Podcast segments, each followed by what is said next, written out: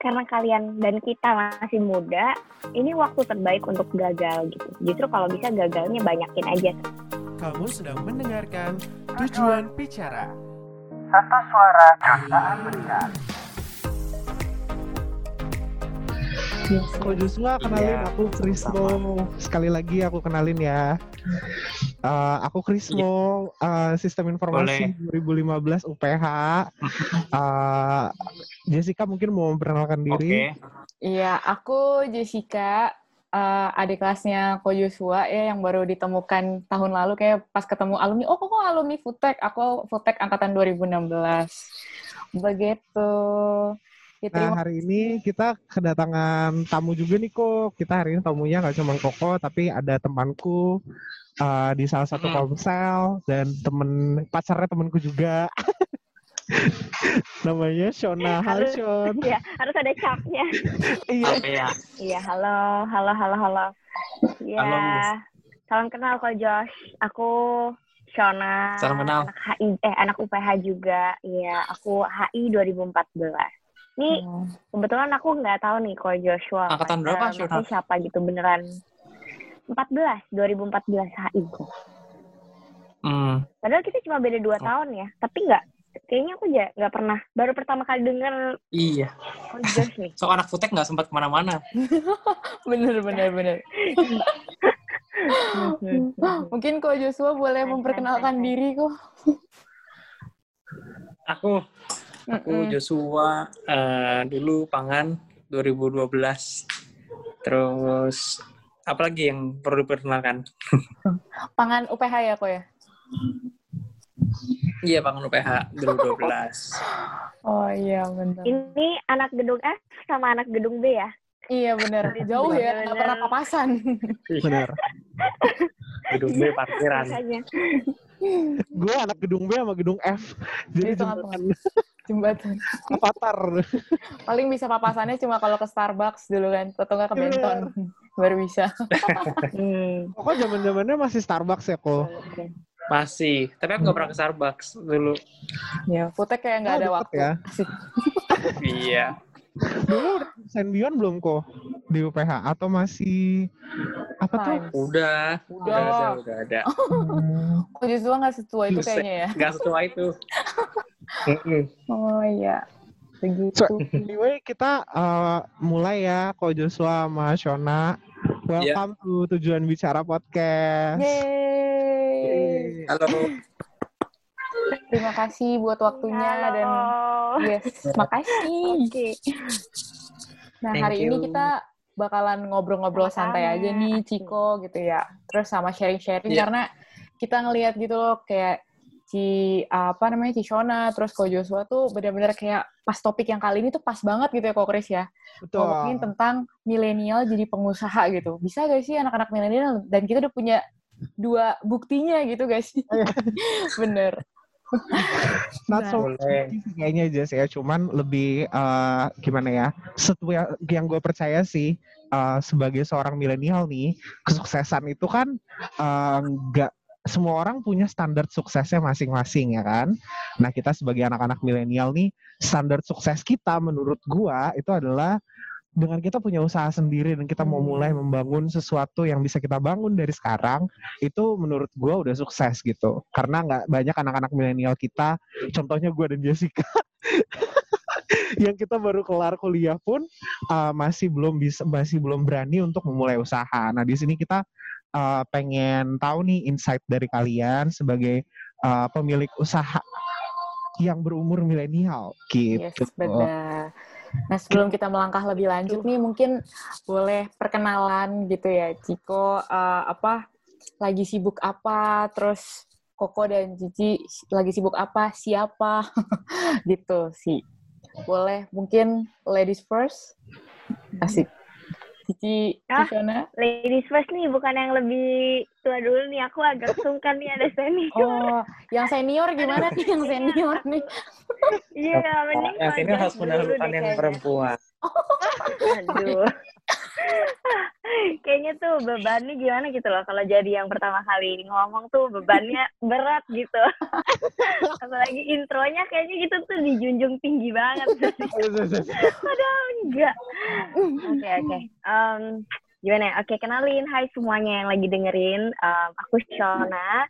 Aku dulu alumni UPH, kenal sama Kak Kris dari UPH, dari Konsel. Terus baru aja kenalan sama Jessica, sama Ko Josh juga. Dan happy banget sih ini lagi karantina ketemu teman baru. Asik banget. Asik. Dan mm, kesibukan aku sekarang itu lagi membangun bisnis aku, terus abis itu kebetulan aku juga ada podcast, dan satu lagi aku juga lagi kembangin um, insurance gitu. Gitu sih aku. Kita jelas dan padat aja ya. Iya. Kalau boleh tahu usahanya apa tuh, Sean? Yes. Bergerak di bidang apa tuh, Ci? Hmm, usahanya bergerak di bidang kecantikan. Jadi aku bikin beauty house gitu dari aku selesai lulus sidang, jadi dari tahun 2017 ya. Jadi udah masuk ke tahun tiga. Wow. Teman-teman kalau pengen tahu tentang usaha kamu bisa di follow di mana nih? Mungkin ada sosial Aduh. media yang bisa di follow gitu. Oh ini boleh promo-promo gitu ya? Boleh, boleh. promo gimana gitu loh. Biasanya aku nih langsung kalau dikasih kesempatan langsung aku jual-jualin. Silakan, silakan. Ah iya, nah, namanya namanya Runako, Runako, Runako Beauty House. Kalau misalnya mau cari, mau gampangnya follow aku dulu juga nggak apa-apa. Tuh kan gue jualan diri sendiri kan, alias Shona. Terus habis itu nanti ada di bio-nya. Bisa bisa Iya, langsung bener. klik di podcastnya Oh, iya. juga ada inner circle gue. Oh, ditunjukin sama Jessica ya. Tuh, langsung ya. Iya betul. Kalau mau tahu Altea. Sonanya juga udah langsung ada ya, langsung di follow Iya. juga ya. Wah iya terima kasih. Sama ada podcast juga ya. Di follow back. Iya. Ada podcast juga nih teman-teman Ada kalau mau dengerin ya. Inner Circle gue. Iya aduh udah. Terima kasih loh. Sama-sama Jadi kayak iklan lewat. Iya. Kalau boleh tahu, eh, tadi kan ada usaha beauty beauty bar, terus eh, podcast, dan yang sekarang terakhir ada insurance juga ya, Sean ya? Mm-mm, betul Hmm. betul betul. Terakhir tuh insurance sejak eh, pandemi bulan Maret kan aku balik ke Bali kan dan toko aku tutup tuh tutup bener-bener sepenuhnya nggak ada aktivitas apa pun terus akhirnya aku pikir aku pakai waktunya untuk apa ya? Mungkin karena kebiasaan gerak gitu ya Hmm. otaknya biar nggak lambat jadi harus dipakai. Ya udah akhirnya ada eh, insurance ini gitu. Kebetulan eh, mama aku udah di insurance lama banget jadi aku coba tekunin kayak gitu. Jalan sampai sekarang sih. Mm-mm. gitu deh sekarang lagi. Nice, nice. mau buka runakonya lagi Iya, prepare ya, Ci ya. Karena udah Iya. mulai memba kalau keadaan membaik mungkin bisa lagi tuh, udah mulai bisa orang-orang datang ya Mm-mm. kan. betul betul betul dan banyak yang udah buka juga kan sekarang dan ada customer kita beberapa udah nanyain kapan buka kapan buka padahal kita masih takut cuman ya maksudnya karena normalnya udah menuju ke sini lagi ya banyak orang yang cari mungkin bukan cuman sekedar kecantikan tapi juga kebutuhan jadi ya kita buka dengan protokol yang barunya Hmm. Bener-bener. Hmm. Wow. Ada banyak penyesuaian yang harus dilakukan ya. Yes. Banget Hmm. betul betul betul, betul. Nah, kalau Ko Joshua gimana nih? Eh, Koko lagi sibuk apa sekarang? iya nih senior Sibuk. Aku sibuk. Sekarang belakangan sih sibuk ini eh, ada brand baru namanya Jumba, Jumba Smoothies Bar. Kita jual jual smoothie gitu. Kalau kalian tahu Bus ini eh, sa- Bus versi lokal begitu. Terus Wah. Nah, mantep Iya, nih. itu. Ini hits banget. Dikeliatin Amin, ya hits. hidupnya sama Jessica ya. boleh. Iya nih, Terus memang milenial aku sejati tuh kayak gitu. Iya benar. bener, bener. Sibuk eh, ini eh, ada restoran juga namanya Miyazaki Japanese Barbecue. Eh, itu sistemnya tuh franchise, aku jual franchise. Sama Hmm. sebelumnya juga ada Priva Meat Shop, itu jual daging. Kita distribusi daging ke catering, ke restoran, ke consumer langsung juga ada. Hmm. Gitu. Ini Miyazaki. Jadi bisa kayak langsung diantar ke rumah gitu ya kok ya. Pesan terus bisa Ya, pesan. ada home delivery-nya sekarang. Wah, ini lucu banget nih bisa barbekyuan di rumah ya. Iya. Betul. Shabu, shabu. Aice. Selain itu ada lagi kok? Ada sih banyak lah, cuman itu aja ya kali ya. Oke. Yang sosial. Wah, Beda kan emang. Senior tuh luar biasa. Ya, kecil-kecil aku. Satu bergeraknya di bidang pangan ya kan, yang makanan, food and beverage, satunya di bidang kecantikan. Jadi kita ngelihat sisi entrepreneurnya nih menarik nih yang hari ini ya, Kok Chris ya. Benar. Karena kalau menurut gue sendiri nih ada ada ada orang yang bijaksana bilang eh, jangan taruh telur dalam satu basket doang. Hmm. Taruh telur di berbagai basket gitu kan. Hmm. Dan di sini kita bisa lihat eh, apa ya dari seorang yang masih muda di bawah 30 eh, nggak cuma menjalankan satu bisnis tapi eh, berbagai bisnis dilakukan dan dijalankan gitu kan. Yes. Nah, tapi yang bikin kita penasaran nih hari ini sebenarnya kan Kakak Joshua dan eh, Cisiona kalian eh, memegang gelar sarjana gitu kan ya. Eh, kenapa mesti ada peluang di mana kalian bisa bekerja dalam sebuah perusahaan dalam sebuah company Eh, yang aku mau tanya itu kenapa sih kalian nggak nggak eh, persu karir di company tapi lebih memilih untuk bisnis sendiri Yes. Mungkin dari Ko Joshua dulu kali Yang senior dulu mungkin Yang ya, yang menjalani dulu. lebih dulu. ya. Yes, yes, yes, yes, yes. Betul, betul. Kenapa ya? Berpikir dulu nih. iya benar Kalau aku sih sebenarnya awalnya itu eh, awalnya jadi dulu ceritanya singkatnya gini. Dulu aku tuh LDR sama pacarku. Pacarku tuh di Singapura. Nah, aku kan pingin dong sering-sering ke sana. Nah, kata mama sih boleh ke sana. Yang penting cari duit sendiri. Nah, sejak saat itu makanya dari kuliah aku cari duit. Dulu jualan kaos, jualan es jelly, buka bazar, semua aku jalanin. Nah, dari situ baru setelah lu sudah gak kepikiran untuk kerja sama orang lagi. Sekarang kan udah ada kerjaan yang udah running. Hmm. Jadi aku ya jalanin terus. Simpelnya begitu.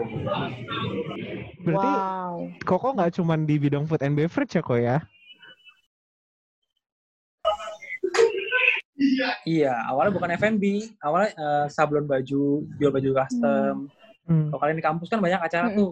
Dulu kayak sempet ya pas angkatanku tuh hampir semua acara tuh eh, aku yang produksi. Soalnya kan aku pakai apa? Sistem sales gitu. Jadi kalau kalian panitia, Wow. bis jadi salesku, aku bagi sistem komisi 5% dari omset. Jadi panitia-panitia itu pada kenal aku kayak, yuk cari cari cari, kasih sini yuk kasih sini gitu. Wah. Disogok. Iya, nggak nggak cuma memberkati diri sendiri tapi memberkati orang lain dengan sistem Iya. sales ya luar biasa loh. Berarti kalau Ko Joshua tuh udah terbiasa ya dilatih dari banget. kuliah. Iya, asik banget. Iya, terpepet bukan terbiasa. Oh iya, terpepet ya karena keadaan gitu ya. Iya, bukan karena keadaan, karena cinta. ya. Iya, bener. Iya karena cinta. Betul sih kalau dipikir-pikir betul, Iya, betul, bener betul, sih. betul. Gitu. Tapi jadinya membawanya ke hal yang positif itu baik banget sih. Mantep, mantep. Hmm, begitu. Karena mau uh, menghidupi diri sendiri dan menghidupi LDR-nya, jadi Koko berusaha keras untuk uh, pokoknya gue harus bisa ngidupin diri sendiri nih, karena gue mau ketemu Ya, pacar gue gitu kan. Iya. Iya. Oh, Oke, harus bisa gimana pun caranya gitu. gimana caranya? Yang halal ya kok ya? Cuma yang menariknya nih kok mau nanya. Kan tadi kan kayak iya pas udah ngejalanin terus udah lulus jadi males nih mau nyoba lagi. Maksudnya mau kerja udah karena ada bisnis yang running itu kenapa tuh kok kok jadi kayak apa gue lanjutin ke berkarir aja apa berbisnis aja ya ini karena udah running atau memang karena pernah juga coba dulu sempet coba atau gimana kok sempet coba juga dulu uh, apply ke perusahaan apa nggak pernah gitu Gak pernah Hmm. coba. Soalnya kupikir kalau kayak fresh grade itu mungkin dapatnya normal kan mungkin 5, Hmm. lima setengah sampai 6 gitu kan. Kalau Betul. beruntung mungkin sampai 9 sampai 10.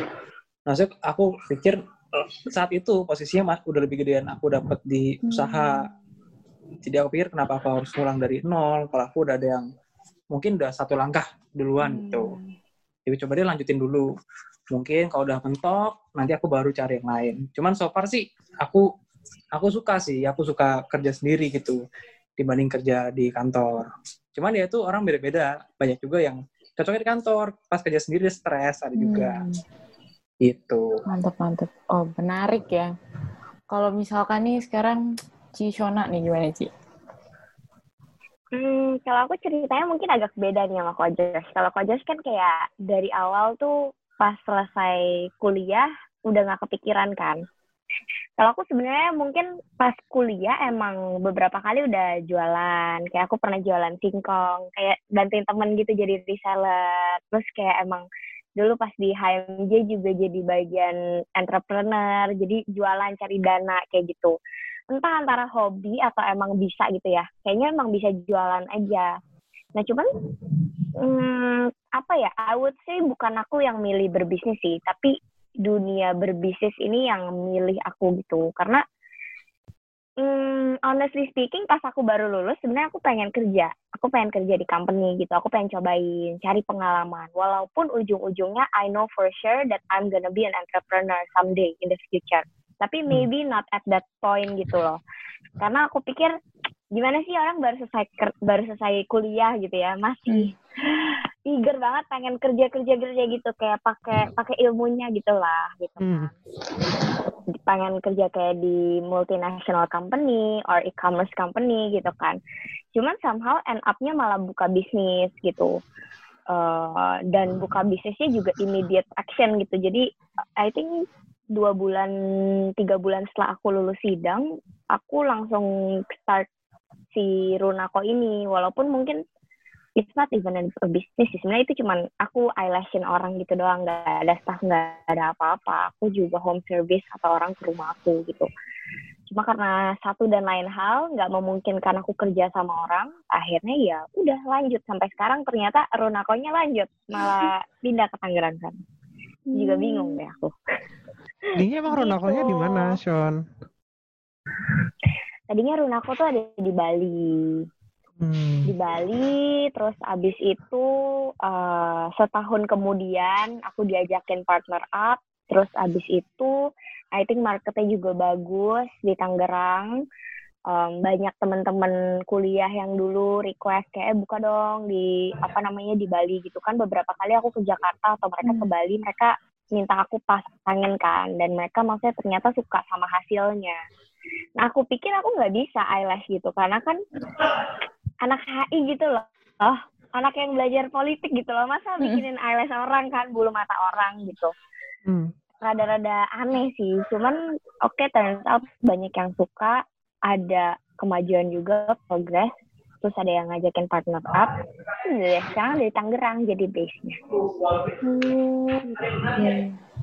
Berarti nyobanya jauh banget ya Ci dari uh, dulu HI gitu. Cuma akhirnya pas digeluti, pas diseriusin bisa juga sampai sekarang malah jalan sampai sekarang ya Ci ya. Iya. Iya. Walaupun pasti banyak tantangan, hmm. tapi iya. I survive. Ya, mantap. Luar biasa. Iya. oh, tapi Kalau, jadi hmm? hmm, gimana Jess? Silakan. Iya, jadi penasaran nih mau nanya gitu. Jadi mau make sure asik. Kalau misalkan dari Cishona berarti bisnis yang benar-benar dibilang bisnis pertamanya banget itu yang si Runako ini apa dulu pas zaman-zaman kuliah juga pernah nyoba yang lain?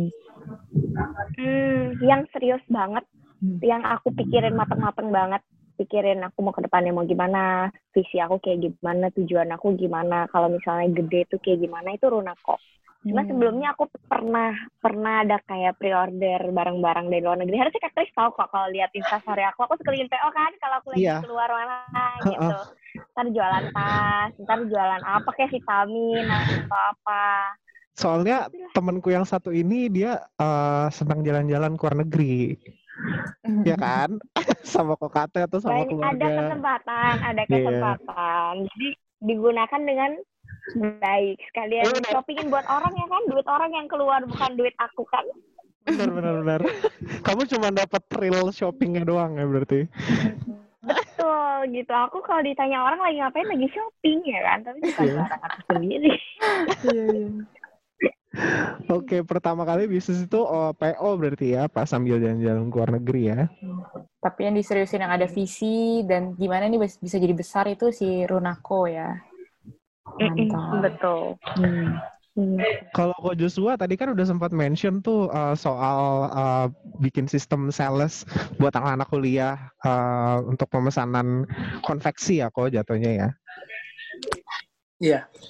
Nah, pertama kali itu sebelum uh, usaha konveksi itu ada lagi nggak kok bisnis yang kok seriusin gitu? Hmm, bisnis pertama? banyak, aku banyak sih sebelumnya, cuman aku nggak seriusin.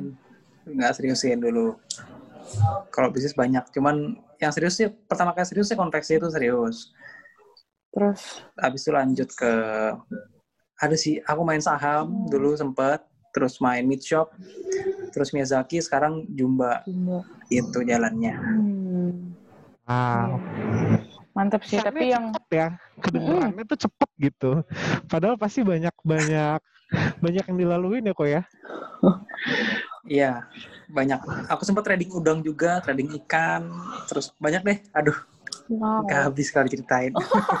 wow semua dicoba ya kok ya, kalau ada kesempatan gitu ya. Iya, Luar biasa. soalnya kan Kok- ya banyak gagalnya tapi ya. Hmm. iya bener aku mau tanya deh kok selain selain motivasi mau ketemu uh, pasangannya di Singapura ada lagi nggak sih motivasi yang lain yang menggerakkan koko untuk memulai bisnis gitu Ada, sesimpel eh, aku harus menghasilkan, sesimpel bisa mandiri, terus pingin deh rasanya eh, apa namanya eh, bisa beli something yang aku sebelumnya belum bisa beli. Itu kan suatu pleasure ya maksudnya.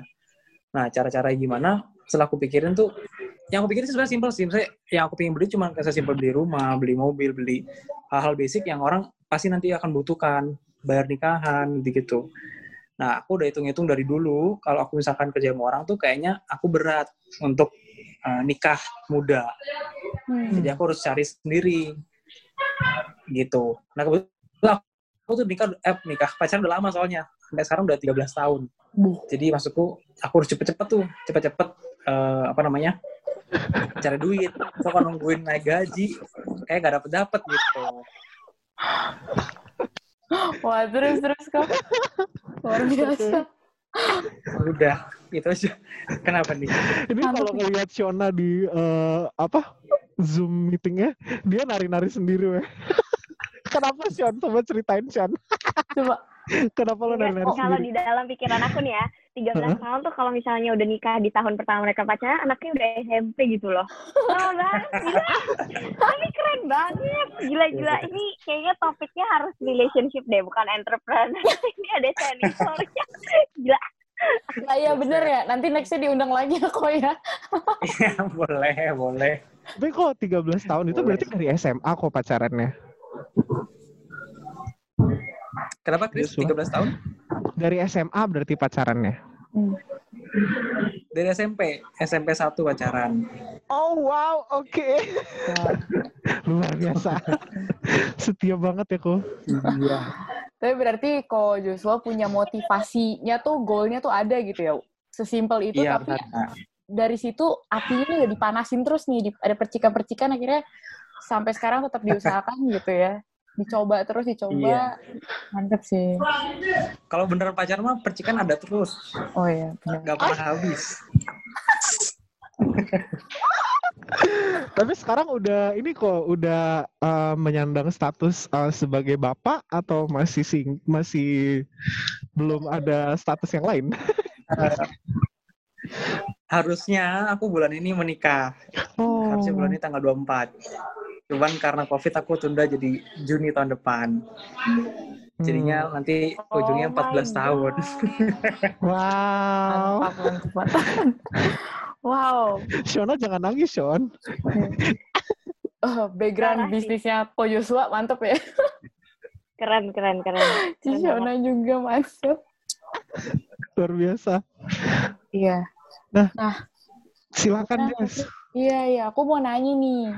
Eh, tadi kan berarti kan kayak dari Cishona, dari Ko Joshua gitu, kayak pada ngomong, eh ya banyak lah. Kalau misalkan diceritain tuh nggak semuanya mulus, pasti ada juga gagal dan lain gitu. Nah, penasaran sih eh, suka dukanya dalam memulai bisnis tuh gimana sih, Ciko? Mungkin mau yang mana dulu? Cishona mungkin deh suka dukanya gitu memulai bisnis kan. Ini yang Runako ini benar-benar diseriusin banget kan Ci? Jadi visinya tuh depannya mau gimana gitu. Suka soalnya kalau yang open PO kan suka terus tuh. Nah ya benar Enggak juga loh, kalau Oh. misalnya dukanya ya lagi open PO tuh kan kalau kamu ke negara baru ada challenge-nya kamu harus ketemu toko itu kan pakai peta gitu loh. Terus kamu harus jalan cepet. Terus habis itu Oh, harus iya, cari iya. yang paling murah yang mana biar cuannya makin gede. Bener, bener. Bener. Aduh, iya. Tapi itu gak usah dibahas lah. Jadi ketahuan nanti. Iya, jadi ketahuan. Gimana ketahuan ya? Well, well apa ya kalau mm, menurut aku sukanya mm, kalau misalnya berbisnis sendiri itu pasti flexibility time sih menurut aku ya. Maksudnya Hmm. flexibility itu nggak berarti kamu punya waktu kosong banyak, tapi maksudnya kamu bisa atur kamu punya waktu itu se yang kamu mau gitu. Hmm. Em, gak ada yang ngatur-ngatur gitu, nggak jadi budak korporat mungkin. I've never been a budak korporat before, tapi lumayan banyak temen yang kerja di corporate atau di perusahaan. Even my brother juga kerjanya kayak gitu. Jadi kalau misalnya dibandingin kayak mereka bilang hidup lu enak banget sih Sean gitu kayak walaupun mereka belum lihat dukanya mungkin. Hmm. Terus habis itu hmm, bisa bangun tim gitu. Aku suka kan karena kan sejak aku buka Runako yang di Tangerang, aku ada staff. Jadi I feel like I'm building my own team dengan standar value aku gitu. Jadi Hmm. aku bisa eh, lead mereka dengan dengan yang aku yakinin gitu. Jadi happy sih maksudnya karena aku jadi bisa belajar banyak tentang human and time management gitu. Ketika aku punya bisnis sendiri kan. Em, kalau dukanya I think uh, at the same time nih ya kebebasan waktu itu bisa jadi suka dan bisa jadi duka gitu. Kadang kan kalau misalnya kita lagi mau happy mungkin kayak Kojos kayak bisa ke luar negeri gitu kan tanpa harus minta surat cuti atau mikirin cuti udah berapa hari kayak gitu kan. Cuman pada waktu yang bersamaan kalau kita nggak punya disiplin yang kuat sama diri sendiri ya kita bakal ya gitu loh. Bener depend on our mindset sama sekuat apa tekad kita untuk menjalankan bisnis ini gitu. Dan aku sendiri juga bukan orang yang paling sempurna gitu. Maksudnya banyak suaraku putus-putus ya. Udah balik ya. Udah balik sih. Udah udah. Hmm, banyak hal yang masih aku juga masih belajar terus gitu. Cuma salah satu dukanya atau challenge-nya lah sebagai entrepreneur itu disiplin dengan diri sendiri. Kalau misal kamu nggak disiplin, ya bisnis kamu bakal down gitu, berikut sama kamu. Jadi kayak dia kayak buntut kita gitu loh, in a way. Kalau misalnya masih baru mungkin ya, kayak belum ada manajer atau belum ada yang kalau aku kan sifatnya sekarang masih aku uh, partner aku dan uh, staff kan. Kalau staff kan mereka hanya mengikuti petunjuk dari aku kan. Terus semua Hmm. promo semua iklan semua uh, produknya apa treatmentnya seperti apa standar SOP-nya price list semua kan kita yang bikin kan aku sama partner. Jadi imagine kalau misalnya aku dan partnerku lagi down gitu kan siapa yang ngerjain? Nggak mungkin kan staff ini yang ngerjain gitu. Hmm. jadi memang kita punya beban yang nggak mungkin nggak mudah juga sih menurut aku dan aku masih belajar mungkin kojos Yes, yes. Berarti penting banget ya, Ci. Berarti poinnya itu adalah yang aku tangkep untuk bisa memimpin diri sendiri gitu ya. Kayak kalau misalkan kita nggak disiplin waktu, terus kita nggak disiplin kayak kita nggak bisa manage people juga, ya akhirnya bisnisnya nggak bisa jalan, nggak bisa running. Mau dapet apa namanya, apa untung juga jadi susah gitu ya. Benar. iya Mm-mm. Tapi, eh, sukanya itu flexibility-nya ya, eh, Sean ya. Mm. Kayak nggak perlu ngitung waktu cuti, nggak perlu ngikutin Mm. standar tertentu. Justru kamu yang bikin standarnya Mm. gitu kan. Dan aku lihat juga Iya. Shona Oh, tuh, Mm, "Ah, ah, mm. gimana? Kenapa? Eh, itu tambahin satu lagi deh dukanya. Kamu nggak dapat gaji tetap sebenarnya. Itu bisa jadi duka bisa jadi suka. Oh iya. Maksudnya, mungkin satu waktu gitu kan your income itu banyak gitu. Tapi bisa satu waktu kalau misalnya something bad happen yang kamu nggak bisa kontrol tiba-tiba pemasukan kamu udah baik gitu. Kalau misalnya kayak kamu kerja sama orang kan kamu kerja bagus atau jelek ya udah kamu terima gajinya sama kan. Gitu Benar-benar. Tapi yang apa? Yang jadi sukanya itu sih gua highlight sih, Sean. Soalnya kalau emang jadi eh, self apa ya pekerja sendiri gitu kan, kita karena gue lihat eh, lu tipe orang yang suka eh, people person gitu ya, orang yang suka mentoring orang, orang yang suka bekerja dalam sebuah tim gitu kan. Nah, kalau Ko Joshua nih, kira-kira suka dukanya gimana nih Ko? Tadi Yes. udah sempat mau cerita tuh. Benar-benar. Gimana nih kok? Sukanya ya. Sukanya itu uh, you have limitless potential. Jadi uh, kamu nggak pernah tahu misalkan kamu bisa dapat uh, opportunity apa nantinya atau income berapa atau ide baru yang bisa kamu implementasikan terus tiba-tiba boom misalkan kamu nggak pernah tahu. Itu sih sukanya. Kalau buat aku ya. Hmm. Kalau dukanya eh, banyak, pasti kamu banyak gagalnya. Kalau kamu entrepreneur. Soalnya kalau menurut aku, entrepreneur tuh kayak belajar berenang atau kayak kamu belajar main sepeda. Misalnya orang berenang pasti ada aja tuh misalkan eh, tenggelamnya, keselaknya, atau main sepeda ada aja jatuhnya. Hmm. Jadi itu semua tuh kayak learning by doing, kayak praktek kalau menurut aku.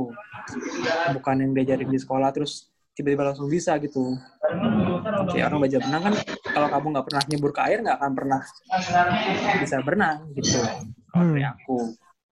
Jadi dukanya sih itu harus tahan banting ya. Benar-benar. Dukanya sih itu. Ada nggak sih kok momen-momen di mana ketika Koko lagi pegang banyak hal yang Koko pegang nih, terus tiba-tiba nggak nggak kepegang gitu kok? Ada selalu, itu selalu ada. Cuman selalu ada solusinya juga. Karena eh, selalu, misalkan aku do something, terus nggak kepegang, berarti oke, berarti aku harus oper kerjaannya ke orang lain nih. Hmm. Eh, oper tuh bisa ke karyawan, bisa ke partner, atau bisa ke karyawan sih seringnya. Hmm. Yes. Kojus? Ke karyawan. Biasa oper ke karyawan gitu ya kok ya? Iya, betul. Hmm, begitu. Tadi putus ya sebentar. Iya. Iya. sedikit. Wah, menarik. Tapi yang gue highlight ya, eh, apa namanya, kita nggak pernah tahu gitu. Jadi kayak benar-benar kita gali terus potensi kita, gali terus kita jadinya, oh ternyata di sini bisa, oh ternyata di sini bisa. Jadi kayak kalau katanya Cishona tadi, kayak kepala nih nggak nggak dipakai buat rebahan doang gitu jadinya. Dipikir terus kira-kira bisa berinovasi apa ya bisa berinovasi apa ya gitu. Yang gue dapat dari Kojos jadinya even lu gagal eh, lu coba lagi gitu. Lu coba lagi lu coba yang baru lagi siapa tahu di sini bisa. Siapa tahu di sini bisa gitu. Yang nah ini menarik banget nih kok kalau aku tambah dikit boleh nggak? boleh dong. Jadi kalau menurut aku tuh sebenarnya kalau eh, entrepreneur itu malah biasanya eh, nggak punya time freedom. Dalam arti eh, kita ada tanggung jawab ke karyawan ke mana-mana mana-mana kecuali udah jalan. Kok soalnya mungkin kan udah jalan nih misalnya bisnisnya. Udah yang dilakuin tuh di- terulang. Saya apa eh, bisa dilakukan oleh karyawan. Hmm. Nah, cuma kalau misalkan baru bangun bisnis pasti lebih nggak ada waktu dibanding orang yang kerja. Kalau awal-awal, Iya, iya, Tapi end iya. Betul, goal-nya betul, betul. pasti Setuju, setuju. lebih banyak waktu. hmm. Cuma kamu masih kalau udah buka, kamu nggak mau berhenti, buka terus nanti gitu. Iya, iya, betul, betul. Betul banget. Betul banget. Setuju. Iya, pas awal-awal pasti harus diusahain ya. Iya ya, nggak ada kebebasan karena ya mau bangun usaha ini gimana mulainya pasti susah gitu. Mau santai, aduh nanti kepikiran, aduh ini gimana nanti, yang ini bagian ini gimana gitu. Hmm. Iya. Ini menarik banget sih. Kan pasti kan kitanya nggak punya time freedom pas mau membangun usaha. Jadinya kayak ya ada beberapa hal yang dipikirin. Nah, eh, si Shona sama Kojos tuh punya apa ya, good habit gak sih selama memulai bisnis akhirnya terbangun lah tuh habit eh, yang baik gitu. Untuk bisa mungkin mengantisipasi kegagalan atau mungkin bisa jadinya ngelit diri untuk bisa nih bangun bisnis ini diseriusin gitu. Mungkin dari bebas dari Kojos dulu mungkin boleh. Hmm. Habit ya. Hmm. Habit yang kebangun sih kalau aku satu eh, yang paling berguna buat aku tuh jangan menunda pekerjaan. Jadi itu sih itu paling berguna. Misalkan ada kerjaan simpel, misalkan telepon siapa langsung telepon saat itu juga. Atau perlu cari apa langsung cari saat itu juga. Atau kalau nggak ada waktu buat cari, suruh karyawan cari langsung. Jadi itu yang ngebedain sih. Kalau dulu aku suka nunda-nunda, misalkan ya apa ya, even sesimpel kayak mau mandi nunda nanti deh, mau ini nanti dulu deh, mau berangkat nanti dulu deh gitu. Kalau sekarang udah nggak bisa. Karena kalau tunda satu nanti numpuk nih, udah nggak ada selesainya gitu. Selain habit yang untuk uh, disiplin diri tuh ada lagi nggak kok kira-kira? Disiplin diri ya. Hmm, kalau aku sih yang aku selalu aku sebenarnya orangnya itu nggak terlalu disiplin soalnya sebetulnya. Jadi aku buat disiplin tuh ya itu habit nggak menunda pekerjaan. Karena setiap kali aku menunda tuh jadi nggak selesai. Kerjaan yang bisa selesai misalkan dalam dua hari bisa lima hari seminggu nggak selesai gitu kayak ngirim file harus datang tapi nah itu harusnya bisa langsung datang sekarang eh males nanti ya deh di tiga hari lagi baru kekirim nah itu Hmm. kayak aduh nggak bisa tuh Oh, tapi kan memulai untuk um, mendorong diri lu untuk bisa nggak nunda pekerjaan itu kan sulit kan. Maksudnya banyak orang banyak teman-teman bahkan gua sendiri pun kadang suka procrastinate gitu. Gue suka Yes. nunda-nunda kerjaan nih. Bener. Apalagi anak-anak anak-anak kuliah yang ah eh, nanti deh hamin satu jam gitu kan baru ngerjain tugasnya. Deadline-nya masih jauh gitu ya. Iya, deadline-nya masih jauh. Kira-kira eh, motivasi apa sih yang Koko eh, bangun dalam diri Koko sendiri untuk bisa mendorong gua gak mau lagi nunda kerjaan. Kalau aku sih motivasinya eh, begini. Ya misalkan aku lagi ngejar jumba aku tuh punya target. Misalkan akhir tahun Desember nih aku minimal harus ada berapa cabang. Aku selalu inget situ aja jadinya. Misalkan aku target jumba tuh sampai akhir tahun ada 50 cabang sebetulnya. Ini sekarang aku udah 43 jadi sisa 7 lagi. Nah itu aku kejar terus pokoknya. Kalau belum dapat ya belum tidur pokoknya begitu. Nanti nanti eh, tahun depan mid semester eh, Juni tahun depan ada target lagi beda lagi. Jadi yang buat maju terus itu. Nah yang masalah itu kalau udah nggak punya target itu santai. Bingung nggak tahu apa yang dikejar. Jadi kuncinya satu harus tahu kamu tuh yang dikejar apa sih. Kalau gitu udah pasti kamu otomatis nggak mau berhenti kejar terus gitu. Hmm, jadi harus Ya, tahu ya motivasinya apa yang mau dikejar gitu ya. Shona, menurut kamu gimana nih, Shon? Wah, gila. Aku aja, bahkan aku nyatet yang Josh. Karena aku masih junior ya. Aku harus Hmm. mengingat dengan baik. Um, Oke, salah satu hal yang aku belajar itu adalah hmm, habit untuk mencatat ide yang aku lagi dapat saat itu juga. Jadi kadang kan kita misalnya ya, mungkin Josh juga mungkin bisa begitu ya. Jadi tiba-tiba satu malam gitu ya, bisa dapat ide gitu kayak menurut kita tuh brilian banget. Entah itu beneran brilian atau enggak, ya kan. Hmm.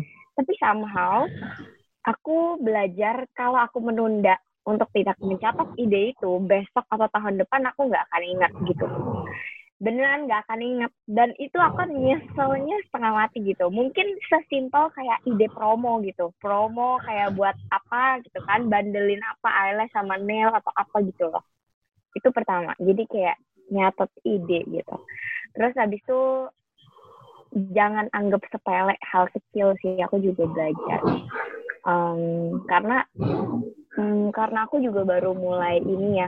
Aku ngerasa ini semua kan aku baru pertama kali ngelakuin. Pretty much everything is my first time. Jadi everything kayak aku jadi excited. Excitementnya tuh ada. Kalau misalnya doing something for the first time itu kan ada semangat yang beda kan. Jadi aku coba, oke, karena aku ngerasa, oke, mungkin ini my only shot gitu. Jadi aku nggak boleh anggap sepele gitu, sesimpel apa pun gitu.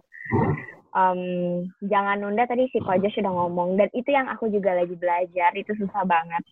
Terus abis itu hmm, membagi waktu kali ya, membagi waktu. Jadi misalnya kayak eh, kalau misalnya ada tipe-tipe orang kan yang suka lupa waktu kalau misalnya lagi kerja. Takutnya kan bisa mempengaruhi mereka punya kesehatan atau mungkin waktu dengan keluarga atau orang-orang terdekat mereka kan. Jadi I think make boundaries between your time buat kerja dan your own time itu penting gitu. Dan hmm, last one biasanya aku eh, karena aku masih newbie atau rookie gitu ya. Aku orangnya kurang pede. Aku suka konsultasi dulu sebelum aku melakukan sesuatu gitu. Sebelum aku make big decision, biasanya aku bakal research, aku konsultasi ke mentor mentor bisnis aku, terus pray about it gitu. Nice, nice. mantap. Luar biasa ya, habitnya gue sebagai orang yang baru pertama kali terjun sebagai uh, podcaster dan bekerja sendiri, uh, gue banyak dapat insight sih dari Ko Joshua dan Shona hari ini. So Yes, thank you yes. banget loh. Masukannya gue sampai yatet juga jadinya. Oke. punya mentor ya. Uh, aku mau rangkum sedikit ya. Tadi Ko Joshua udah ngejelasin soal uh, tahu apa yang udah dikejar, terus punya target dan nggak nunda-nunda kerjaan. Dan Hmm. kalau Shona tadi membagikan soal uh, catat ide brilian yang kalian ingat dan nggak anggap remeh dengan kerjaan sekecil apa pun. Terus bagi waktu supaya tetap sehat mental dan fisik. Terus juga uh, konsultasi sama uh, mentor atau uh, research dan untuk sebelum melakukan keputusan yang besar ya Sean ya. Jadi nggak salah ambil langkah dan punya mentor bisnis gitu kan. Hmm, Nah, bener. uh, ada banyak hal yang kita persiapkan untuk uh, mengantisipasi kegagalan, mengantisipasi uh, kita untuk melangkah lebih maju dan uh, mengambil banyak kesempatan di depan sana. Yang mau gue tanyain sekarang uh, itu kira-kira nih ketika kalian udah ngejalanin semua hal yang uh, tadi kalian bagikan buat kita terus kalian ngerasa ini buntu banget nih. Ini bener-bener nggak ada jalan lagi gitu. Iya. Uh, kira-kira pada saat itu kalian cari inspirasinya tuh ke mana gitu? Atau kalian ngelakuin hal sesuatu untuk mencari inspirasi baru? Kira-kira kalau Shonas dari Shona gimana? Um, kalau aku biasanya ya, aku bakal kan kalau misalnya kita lagi buntu, artinya kita lagi penat banget kan, otak tuh lagi full ya kan. Nah, aku harus reset otakku dulu. Caranya gimana? Hmm. Aku tidur. Jadi aku mengkosongkan pikiranku gitu. Jadi aku- kalau aku tidur, menurut aku tuh cara paling gampang melupakan masalah gitu. Tapi nggak stop di situ doang, gitu kan. Kalau nggak aku bakal jadi ini kan, pengecut doang gitu. Nah setelah aku udah kosongin diri, semuanya udah oke, emosi udah stabil gitu kan. Nah hmm, biasanya aku ngelakuin antara dua hal. Yang pertama aku ngobrol sama orang, aku dengerin mereka punya cerita, mungkin apa aja gitu. Jadi aku coba masukin input aku tuh yang nggak berhubungan dengan bisnis aku atau yang masalahku gitu loh. Aku Hmm. coba sebisa mungkin nggak ngomongin itu gitu. Jadi pikiranku dimasukkan dengan hal-hal yang baru, yang pastinya harus difilter juga gitu. Atau do something new, as simple as that gitu. Kalau misalnya aku tanya gitu, kapan terakhir kalian melakukan hal baru di hidup kalian? When would that be gitu loh? Kapan gitu? Karena when we do something new in our life, yang kayak aku bilang tadi, ada ada hmm, excitement yang kalian pasti akan rasain. Nah, excitement itu biasanya kalau buat aku it works for me untuk menstimulasi aku atau encourage my brain to generate new idea. Jadi uh, ide-ide yang aku nggak nggak kepikiran sebelumnya pas aku lagi penat, tiba-tiba bisa kepikiran karena aku lagi do something new atau do something yang nggak ada hubungannya sama masalah aku ini gitu. Dan pastinya nggak nggak setiap kali um, hal ini bisa bekerja gitu. Nggak nggak it doesn't work every time I do it gitu. Kadang-kadang kalau misalnya memang masalahnya udah besar kayak aku buntu nih pengen ambil keputusan A atau B gitu. Menurut aku A sama-sama susah, B sama-sama susah. Ya lately lah karena lagi pandemi gini, my dilemma was aku buka nggak ya Runako gitu. Hmm. Yang aku lakuin ya aku balik lagi, aku tanya sama inner circle aku, aku tanya sama mentor aku, aku tanya sama orang tua gitu gimana, pikirin, rencanain, tulis, doain, and then ambil decision. Entah decisionnya benar atau salah nggak masalah. Nggak masalah gagal kayak kata Kojas tadi kan kita banyak gagal juga gitu. Hmm. Benar. Berarti Setuju. apa dapat ini juga ya Ci ya selain kalau pas buntu tidur terus habis itu ya refresh reset otak gitu terus juga uh, dapat nanya ke orang-orang yang menurut kita tuh bakalan support kita juga gitu jadi bukan yang malah uh, slowing me, apa slowing me down tapi malah jadi kayak bring up ya udah lu semangat ya semangat gitu nanya ke orang-orang kayak gitu ya Ci ya ke circle benar ke inner Hmm. circle benar. Benar inner circle gue itu adalah judul podcastnya Shona iya. Benar benar benar. podcast aku namanya inner circle gue. Yes, Nanti yes. kapan-kapan boleh kali kita ber- bertiga diundang ke Iya, kayak inner Iya, circle bersama. banget. Boleh dong, boleh, boleh, boleh. Siap, ini udah, kita lagi lagi on, on lagi coming soon season 2. Kemarin udah selesai season 1. Kan season 2 kuliah ya. Nice, kita baru mau season 1 nih. Mantap, lah. Anak kembar lah, anak kembar. Cuma beda sedetik doang. Nah, kalau kok Joshua gimana nih kok? Boleh dong berbagi sedikit Boleh, insight-nya. boleh, boleh. Tadi pertanyaannya apa? Eh, itu ya. Kalau buntu gitu kok. Oh, kalau Misal bentuk. benar-benar gak ada ide, ya kan? Biasa kok kok ngelakuinnya Eh. kok ke mana, ngapain gitu. Aku kalau buntu, eh, aku selalu punya pikiran begini sih. Kalau aku melakukan sesuatu, aku harus lihat dari orang yang udah berhasil melakukannya. Jadi kalau aku lagi butuh, aku pasti cari. Misalkan eh, seniorku di bidang itu, dia dulu overcome-nya itu gimana sih? Karena everybody eh, face the same problem actually. Biasanya pasti begitu. Misalkan aku buat jumba, ada salah satunya habis aku, aku ekspansi, kok salesnya turun misalkan. Oke, aku lihat misalkan ah, kalau patokanku Stibus, kan dia internasional. Aku lihat dulu dia pas eh, lagi berapa lama itu dia eh, kendalanya di mana sih? Terus dia overcome-nya gimana? Oh, dia buat campaign, dia ajak collab sama orang, atau dia buat eh, dia dia dia twist dari dari misalkan sebelumnya dia fokus ke produknya, sekarang dia fokus ke lifestyle-nya. Gimana caranya kalau dia nunjukin kalau minum jumba itu bisa buat healthy loh, cocok buat uh, teman kalian di gym atau gimana gimana kayak begitu. Itu satu. Kedua, bisa juga cari uh, senior dalam arti mentor. Itu paling praktikal. Nah, cuman cari mentor pun harus yang di bidang yang sesuai. Karena kalau kalian cari mentor yang bidangnya nggak sesuai itu malah toxic. Karena misalkan gini, aku misalkan di F&B, kalau aku cari orang yang biasanya main saham, yang dia nggak pernah main F&B, pasti dia akan mikir kayak, susah lah F&B bro, jangan bro, gitu. Jadi akhirnya aku malah down sendiri, dan aku malah merasa kayak, iya susah ya, ternyata nggak bisa ya gitu. Nah, jadi cari mentor pun harus cocok mentor yang cocok dengan bidang kalian. Karena mereka punya expertise-nya masing-masing. Kalau aku sih pikirannya begitu biasanya. Wow. Dan masing-masing orang itu juga punya pendapatnya tersendiri tentang apa yang paling baik untuk dikerjakan ya kok ya. Hmm. Iya, betul. Hmm. Termasuk Menurut- parents. Jadi Hmm. nggak selamanya parents tuh mendukung. Seringkali parents juga uh, bisa jadi toxic karena menurut mereka uh, dulu papa nggak begini, dulu mama nggak begini. Padahal kan zamannya udah beda jauh. Mungkin dulu nggak ada internet, dulu nggak ada wifi, nggak ada banyak hal yang dulu nggak ada, tapi sekarang udah ada gitu. Hmm. Jadi nggak selamanya kita bisa dengerin orang tua kita juga dalam hal bisnis ya. Cuman tetap respect begitu. Hmm. Tetap uh, dengerin tapi uh, menolak dengan respect gitu ya kok. Iya. Iya, jadi nggak usah telan mentah-mentah. Karena, Hmm. tapi this is the ugly truth. Saya, banyak orang masih nggak terima kayak kurang ajar lu apa lu. Tapi sering kali eh, ya gitu, karena zamannya beda gitu. Dulu mereka nggak ada Grab, sekarang ada Grab. Ngerti nggak sih? Dulu nggak ada namanya tuh eh, supir, kita masuk ke mobil orang, mas, kayak masuk ke Uber itu orang bingung. Benar. Tapi sekarang udah biasa aja. Jadi zamannya udah beda jauh gitu.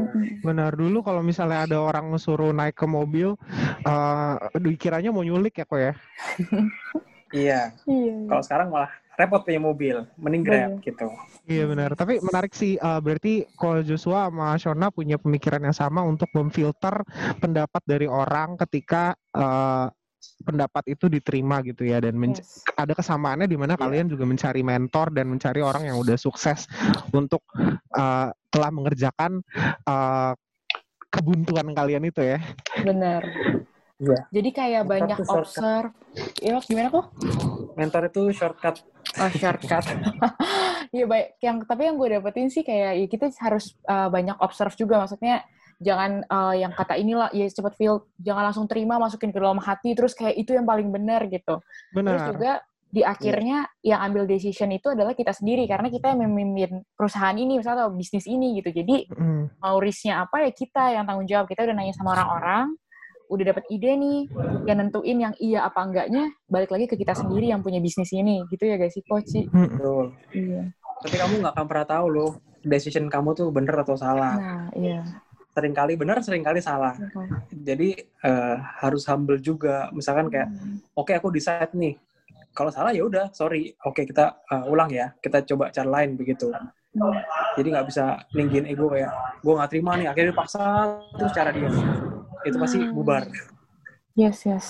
Itu. Betul ya, kok itu poin yang penting banget sih kalau menurut aku karena jujur ya aku pernah pernah bekerja di sebuah corporate gitu dan uh, humility itu adalah hal yang paling susah untuk dicari dalam sebuah korporasi dengan tangga tangga manajemen yang ada gitu kan. Kayak kalau misalnya ah, lu anak uh, bawahan gitu kan tahu apa sih? gitu kan.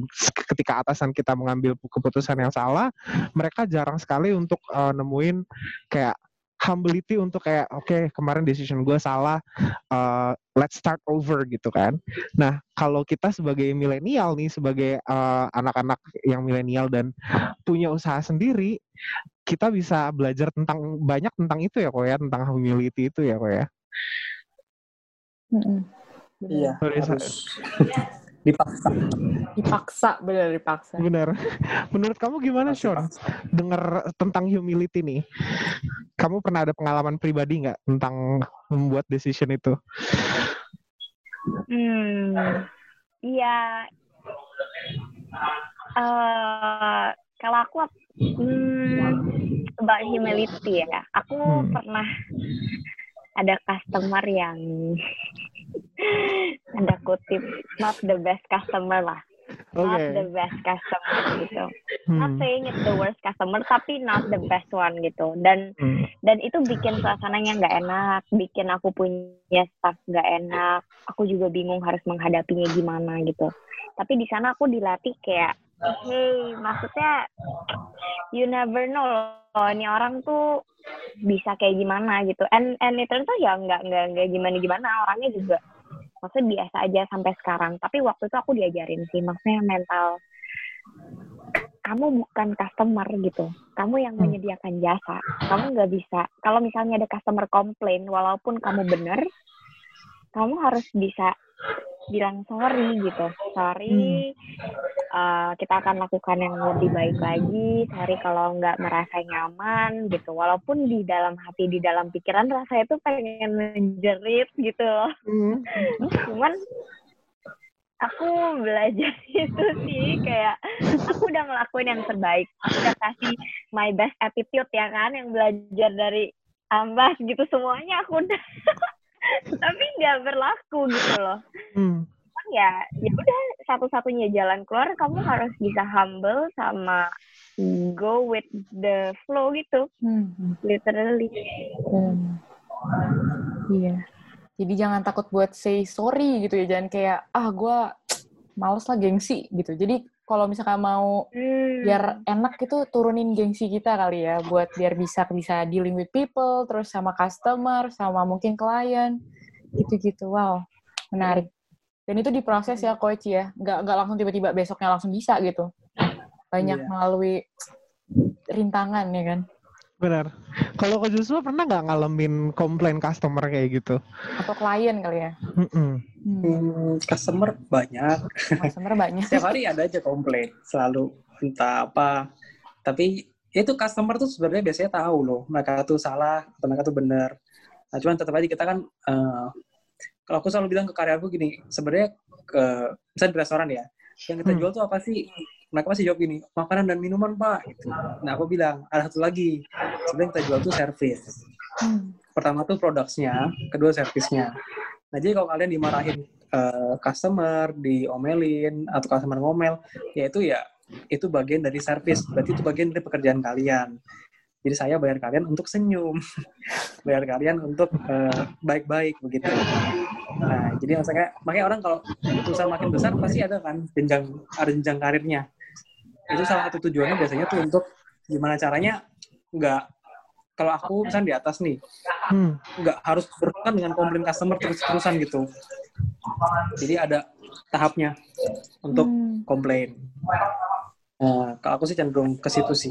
Jadi udah nggak terlalu masalah. Ada nggak sih kok tips-tips eh, apa namanya yang bisa kita dapetin untuk kayak kan koko udah lebih lama nih eh, bergelut dalam dunia yang berhadapan langsung dengan customer gitu ya kok. Pasti kan awal-awal koko Mm. eh, terjun langsung nih bersentuhan langsung dengan customer dan pasti adalah Iya. pengalaman eh, nanganin komplain customer gitu. Kira-kira dari Koko sendiri ada nggak Mhm. sih kayak tips and trick untuk kayak menangani kalau customer komplain ke kita, sebaiknya posisi kita, posisi hati kita, pemikiran kita tuh seperti apa sih harusnya? Eh, kita harus punya pikiran begini. Jadi kalau customer komplain itu pasti ada reasonnya, ada alasan kenapa mereka komplain. Nah, jadi eh, paling benar itu gimana caranya customer jangan sampai komplain. Nah, itu gimana caranya? Pasti dengan sistem. Sistemnya tuh eh, gimana caranya rasa makanannya dan minuman selalu standar, tidak nggak nggak berubah. Servisnya standar, terus eh, makanan keluar cepat. Itu pakai sistem semua. Jadi kalau sampai ada customer komplain, uh, aku harus punya pikiran kalau oke berarti uh, aku masuk ke karyawanku uh, do something wrong nah itu aku harus pikirin kenapa sampai dia begitu berarti aku harus punya pikiran oke ini em- emang salahku even though aku nggak tahu itu gimana. Aku terima dulu. Oke aku salah nih. Aku harus perbaiki di mana nih gitu. Kok dia bisa sampai komplain? Nah kalau aku punya pikiran begitu pasti aku akan lebih tenang ngadepinnya. Karena aku tahu nih ini emang salahku. Nah kalau at the end of the day nggak taunya customer emang rese aja. Ya udah. Karena nggak sesering itu kok customer rese itu jarang. Begitu Menarik. Kok tapi uh, aku mau nanya nih yang di luar tentang uh, entrepreneur, tapi kan pasti di dalamnya tuh ada tentang leadership lah ya, gimana kita bisa memimpin gitu. Terus tadi Hmm. tuh kayak sama Ci Shona juga, kan pasti memimpin uh, staff apa karyawan gitu. Terus aku mau nanya gitu, yang pas saat Koko memimpin, value yang Koko sama Cici pegang tuh apa? Terus gimana caranya Koko tuh bisa kayak nge-impact karyawan-karyawan yang Koko buat bisa punya pemikiran yang sama nih sama gue buat bisa jalanin bisnis ini gitu. oke aku dulu boleh, boleh. jadi kalau aku tuh punya pikiran gini kalau orang normal kan bisa pikirannya eh, karyawan tuh kerja buat kita nah kalau aku pikirannya kebalik saya aku kerja buat karyawanku Hmm. jadi aku memenuhi kebutuhan mereka aku tuh aku tuh yang kerja buat mereka gitu nah kalau aku punya pikiran begitu pasti misalkan eh, aku nggak takut buat bantu mereka nolong mereka kasih gaji yang bagus yang adil buat kita dan dia. Hmm. terus nah kalau gitu pasti mereka happy juga dan respect sama kita. Hmm. dengan begitu aku juga tahu nih kalau eh, tanpa mereka usahaku nih nggak bisa jalan loh. Jadi aku benar-benar menghargai mereka. Nah kalau aku udah punya pikiran gitu selama ini ya pasti mereka juga respect dan kerjanya tuh full hard. Full hard full time kayak nggak enak nih sama bos nih kalau sampai ini kemarin udah beliin ayam udah beliin nasi misalkan kayak gitu gitu jadi pikirannya aku kerja buat mereka aku kerja buat mereka begitu nanti mereka akan Wow. dengan sendirinya akan kerja buat kita gitu kalau aku Oh, jadi pas di awal mulai startnya itu bukannya jadi lu udah langsung kayak gue bos lu gitu. Jadinya Koko udah punya mindset uh, gue sebagai pem- pemimpin kerja buat mereka gitu. Biar nanti Iya. turns back-nya mereka yang akan kerja yang dengan pen- hati yang penuh gitu ya buat saya gitu, buat perusahaan. itu udah Wow. pasti. Soalnya kalau kamu ngasih sesuatu, masa orang nggak seneng sih gitu. Iya, iya benar-benar. Itu udah otomatis jadinya. Hmm, tapi dimulai dari Koko dulu gitu. Jadi dari diri saya dulu nih gue mulai gitu. Pasti. Biar ya. Kita nggak bisa expect mereka buat baik sama kita. Mm-mm. Kalau kita udah baik sama mereka, pasti mereka baik sama kita. Benar-benar. Wow. Good value. Thank you, thank you. Kalau Ci Shona gimana, Ci? Hmm, wow, aja sekian sih. Aku eh kemarin kan last year itu pertama kali aku pecah telur ya, ada ada staff gitu. Jadi pertama kali aku handle orang gitu dan ada lima orang. Kebetulan mereka semua cewek di bawah umur 20 tahun. Jadi mereka baru lulus SMK. Jadi aku deal with youth gitu. Anak-anak remaja ya eh satu hal yang aku tekanin dari awal sama mereka itu aku di sini sama-sama belajar ya. Aku aku bukan bos yang paling pintar. Bahkan kalian mungkin lebih pintar karena kalian pas SMK belajarnya tentang kecantikan. Aku cuman pernah les ini situ gitu, cuman practitioner doang. Dan aku sebisa mungkin lead by example gitu. Hmm, apa yang aku minta mereka lakuin, aku juga lakuin gitu. Aku lakuin dulu. Misalnya Hmm. contoh kebersihan. Sesimpel aku taruh sendal tuh yang rapi.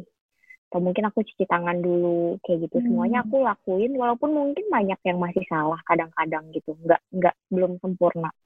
Tapi aku pengen bangun mereka tuh habit bukan karena mereka takut sama aku sebenarnya. Aku pengennya mereka ngerti kenapa aku minta mereka melakukan hal tersebut. Aku pengen mereka tuh ada understanding gitu loh. Jadi pendekatan aku, approach aku lead by example gitu dan ngejelasin mereka artinya tuh kenapa aku harus ngelakuin. Dan di awal aku juga bilang, aku nanya sama mereka kayak mimpi kalian apa sih gitu, cita-cita kalian tuh apa, kalian tuh pengen ngapain gitu ada yang bilang mau jadi entrepreneur, ada yang bilang aku pengen cari duit buat kuliah, kayak gitu. Jadi aku bilang sama mereka, aku pengen kalian masuk ke sini, bukannya aku berencana bikin kalian kontrak seumur hidup gitu. Aku ajarin kalian ilmu, aku nggak pengen bikin kalian stop di sini doang gitu. Aku pengen kalian bisa bertumbuh. Aku kasih tahu mereka gitu, karena kalian masih muda, masa depan kalian masih cerah, ini masih awal-awal kalian coba cari kerja, cari pengalaman. Hmm jadi aku aku bilang sama mereka masa aku pengen kalian bisa belajar untuk kerja sama. Ada lima cewek. Kamu harus kerja sama. Tahu kan kerjanya cewek gimana pasti ada drama-drama pasti ada hmm. cekcokan gitu hmm, kan. hmm, benar-benar itu yang aku pengen hindari gitu. Hmm. dan kalau di di mindset aku aku selalu tekenin kalau mereka tuh bukan mesin ATM aku jadi aku nggak memperlakukan mereka seperti objek gitu, kayak mesin ATM aku doang, aku ambil duit dari mereka. Karena kalau misalnya mindset aku dari awal udah mereka mesin ATM aku, pasti cara perlakuan aku ke mereka tuh beda. Aku bukan anggap kayak teman gitu loh, aku bukan anggap kayak partner. Karena kan yang kayak tadi Kojos bilang, sebenarnya kalau mau ngomong perusahaan nggak akan jalan kalau misalnya nggak ada mereka. Hmm. Mungkin aku bisa eyelash, mungkin aku bisa nailin orang, tapi kalau hmm. ngomongin quantity, ngomongin availability, aku butuh mereka kan. Aku nggak bisa 100% ada di sana.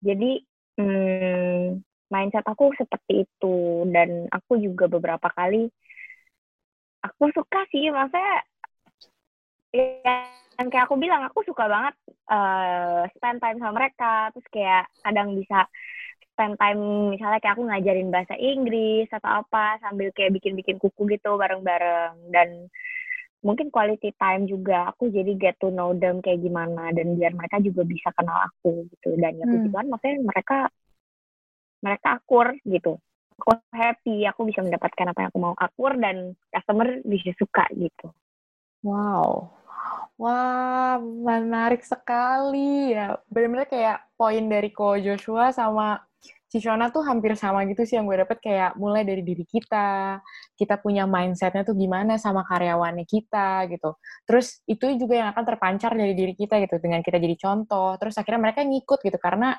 kebiasaan kita, oh apa namanya leader kita kayak gini ya berarti kita juga ngikut gitu ya, berarti kayak dia gitu. Jadi kita jadi jadi contoh, wow, powerful banget sih. Gue kayak, hmm, dan uh, maksudnya hasilnya itu ya jadi impact gitu buat mereka. Akhirnya kan sekarang uh, Cishona punya hubungan yang baik dengan karyawan, Kojos juga sama, dan juga bisnisnya akhirnya bisa jalan gitu. Oh, menarik. Thank you, thank you, Koci. Oke, aku harap uh, kita semua belajar hal yang baru ya. Uh, thank you banget Shona, thank you banget Ko Joshua untuk uh, waktu dan kesempatannya ngobrol bareng kita di tujuan bicara. uh, personally aku pengen bilang thank you banget sekali lagi buat uh, Ko Joshua dan Cishona yang udah nyempetin waktu uh, dalam kesibukannya sebagai entrepreneur ya kan? Yes, Karena kalian entrepreneur jadi uh, thank you banget udah ngotakin waktu buat kita dan uh, aku uh, beyond grateful gitu. Nah, untuk menutup uh, pembicaraan kita malam ini, aku uh, mau uh, minta dari kalian dong kayak word of encouragement buat anak-anak muda yang mungkin uh, baru mau mulai bisnis nih, uh, kira-kira uh, saran apa atau semangat kata-kata penyemangat apa yang bisa kalian bagikan buat kita yang baru mau memulai? Yeah. Mungkin atau yang masih dari takut-takut ya kok ya? Iya, takut-takut buat mulai bisnis tuh. Benar, karena kan semuanya mesti dimulai dari langkah awal dulu ya. Hmm. Benar. Nah, uh, kira-kira kalian bisa nggak uh, kita minta word of encouragement dari kalian nih untuk uh, teman-teman kita yang di luar sana. Mungkin dari Shona dulu deh. Hmm, oke. Okay. Kalau aku mungkin aku pengen encourage kalian yang mungkin lagi bingung kali ya. Mungkin situasinya beda-beda nih. Mungkin ada yang lagi bingung mau mulai usaha sendiri atau enggak atau mungkin ada yang trauma kayak udah pernah coba usaha tapi gagal gitu kan mungkin one of my courage would be hmm, justru karena kalian dan kita masih muda ini waktu terbaik untuk gagal gitu. Justru kalau bisa gagalnya banyakin aja sekarang. Karena kita belum ada tanggung jawab. Maksudnya tanggung jawab tuh bukannya kita nggak ada keluarga. Pasti ada papa mama.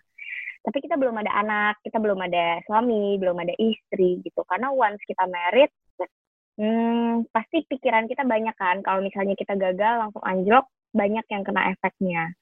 Cuman harus dipikirin juga. Maksudnya kalau misalnya mau ambil keputusan ya jangan misalnya contoh, aduh gue nggak pernah main saham, yaudah deh modal langsung 100 juta gitu kan nggak nggak masuk akal kan. Kalau misalnya rugi ya kita butuh hikmat dong, kita butuh hikmat. Jangan langsung ambil keputusan tanpa ada alasan apa pun gitu.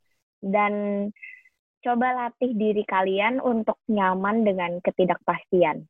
Coba dance with the uncertainty aja gitu loh. Karena hmm, mau sampai umur berapapun kita, kita pasti akan melewati yang namanya ketidakpastian sih. Selalu ada ketidakpastian, selalu ada kegagalan gitu. Jadi daripada kita stuck di sana, kita stuck bingung mau ke kanan atau ke kiri, benar atau salah, yang penting kita udah lakuin yang terbaik.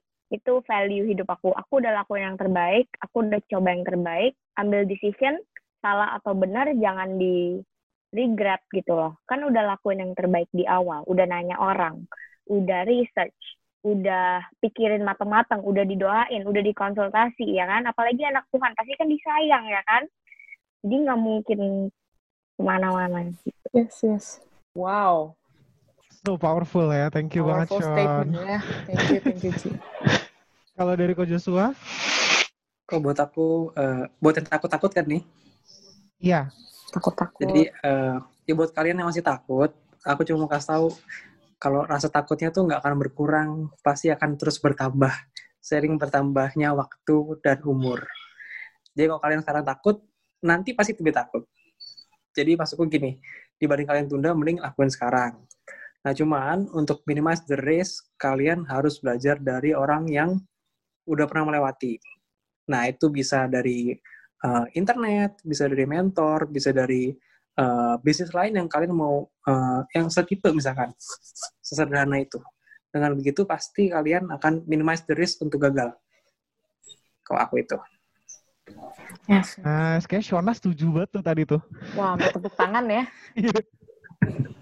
Iya nih, hari ini aku yang diberkati nih sama Ko Jos. Kita semua terberkati ya. Wah, luar biasa. iya. Bener-bener. Bener. Wah, gue mau, ini bener-bener kata kata-katanya tuh yang kayak kena banget ya buat kayak kita anak-anak milenial jujur gue yang masih galau-galau kan yang kayak aduh takut. Aduh kok kayaknya nggak pas banget yang Ci Shona bilang kayak nyaman dengan ketidakpastian. Iya nih semuanya tuh kayak lagi nggak jelas banget keadaan ya kan? Nggak ada yang jelas gitu nggak ada yang pasti.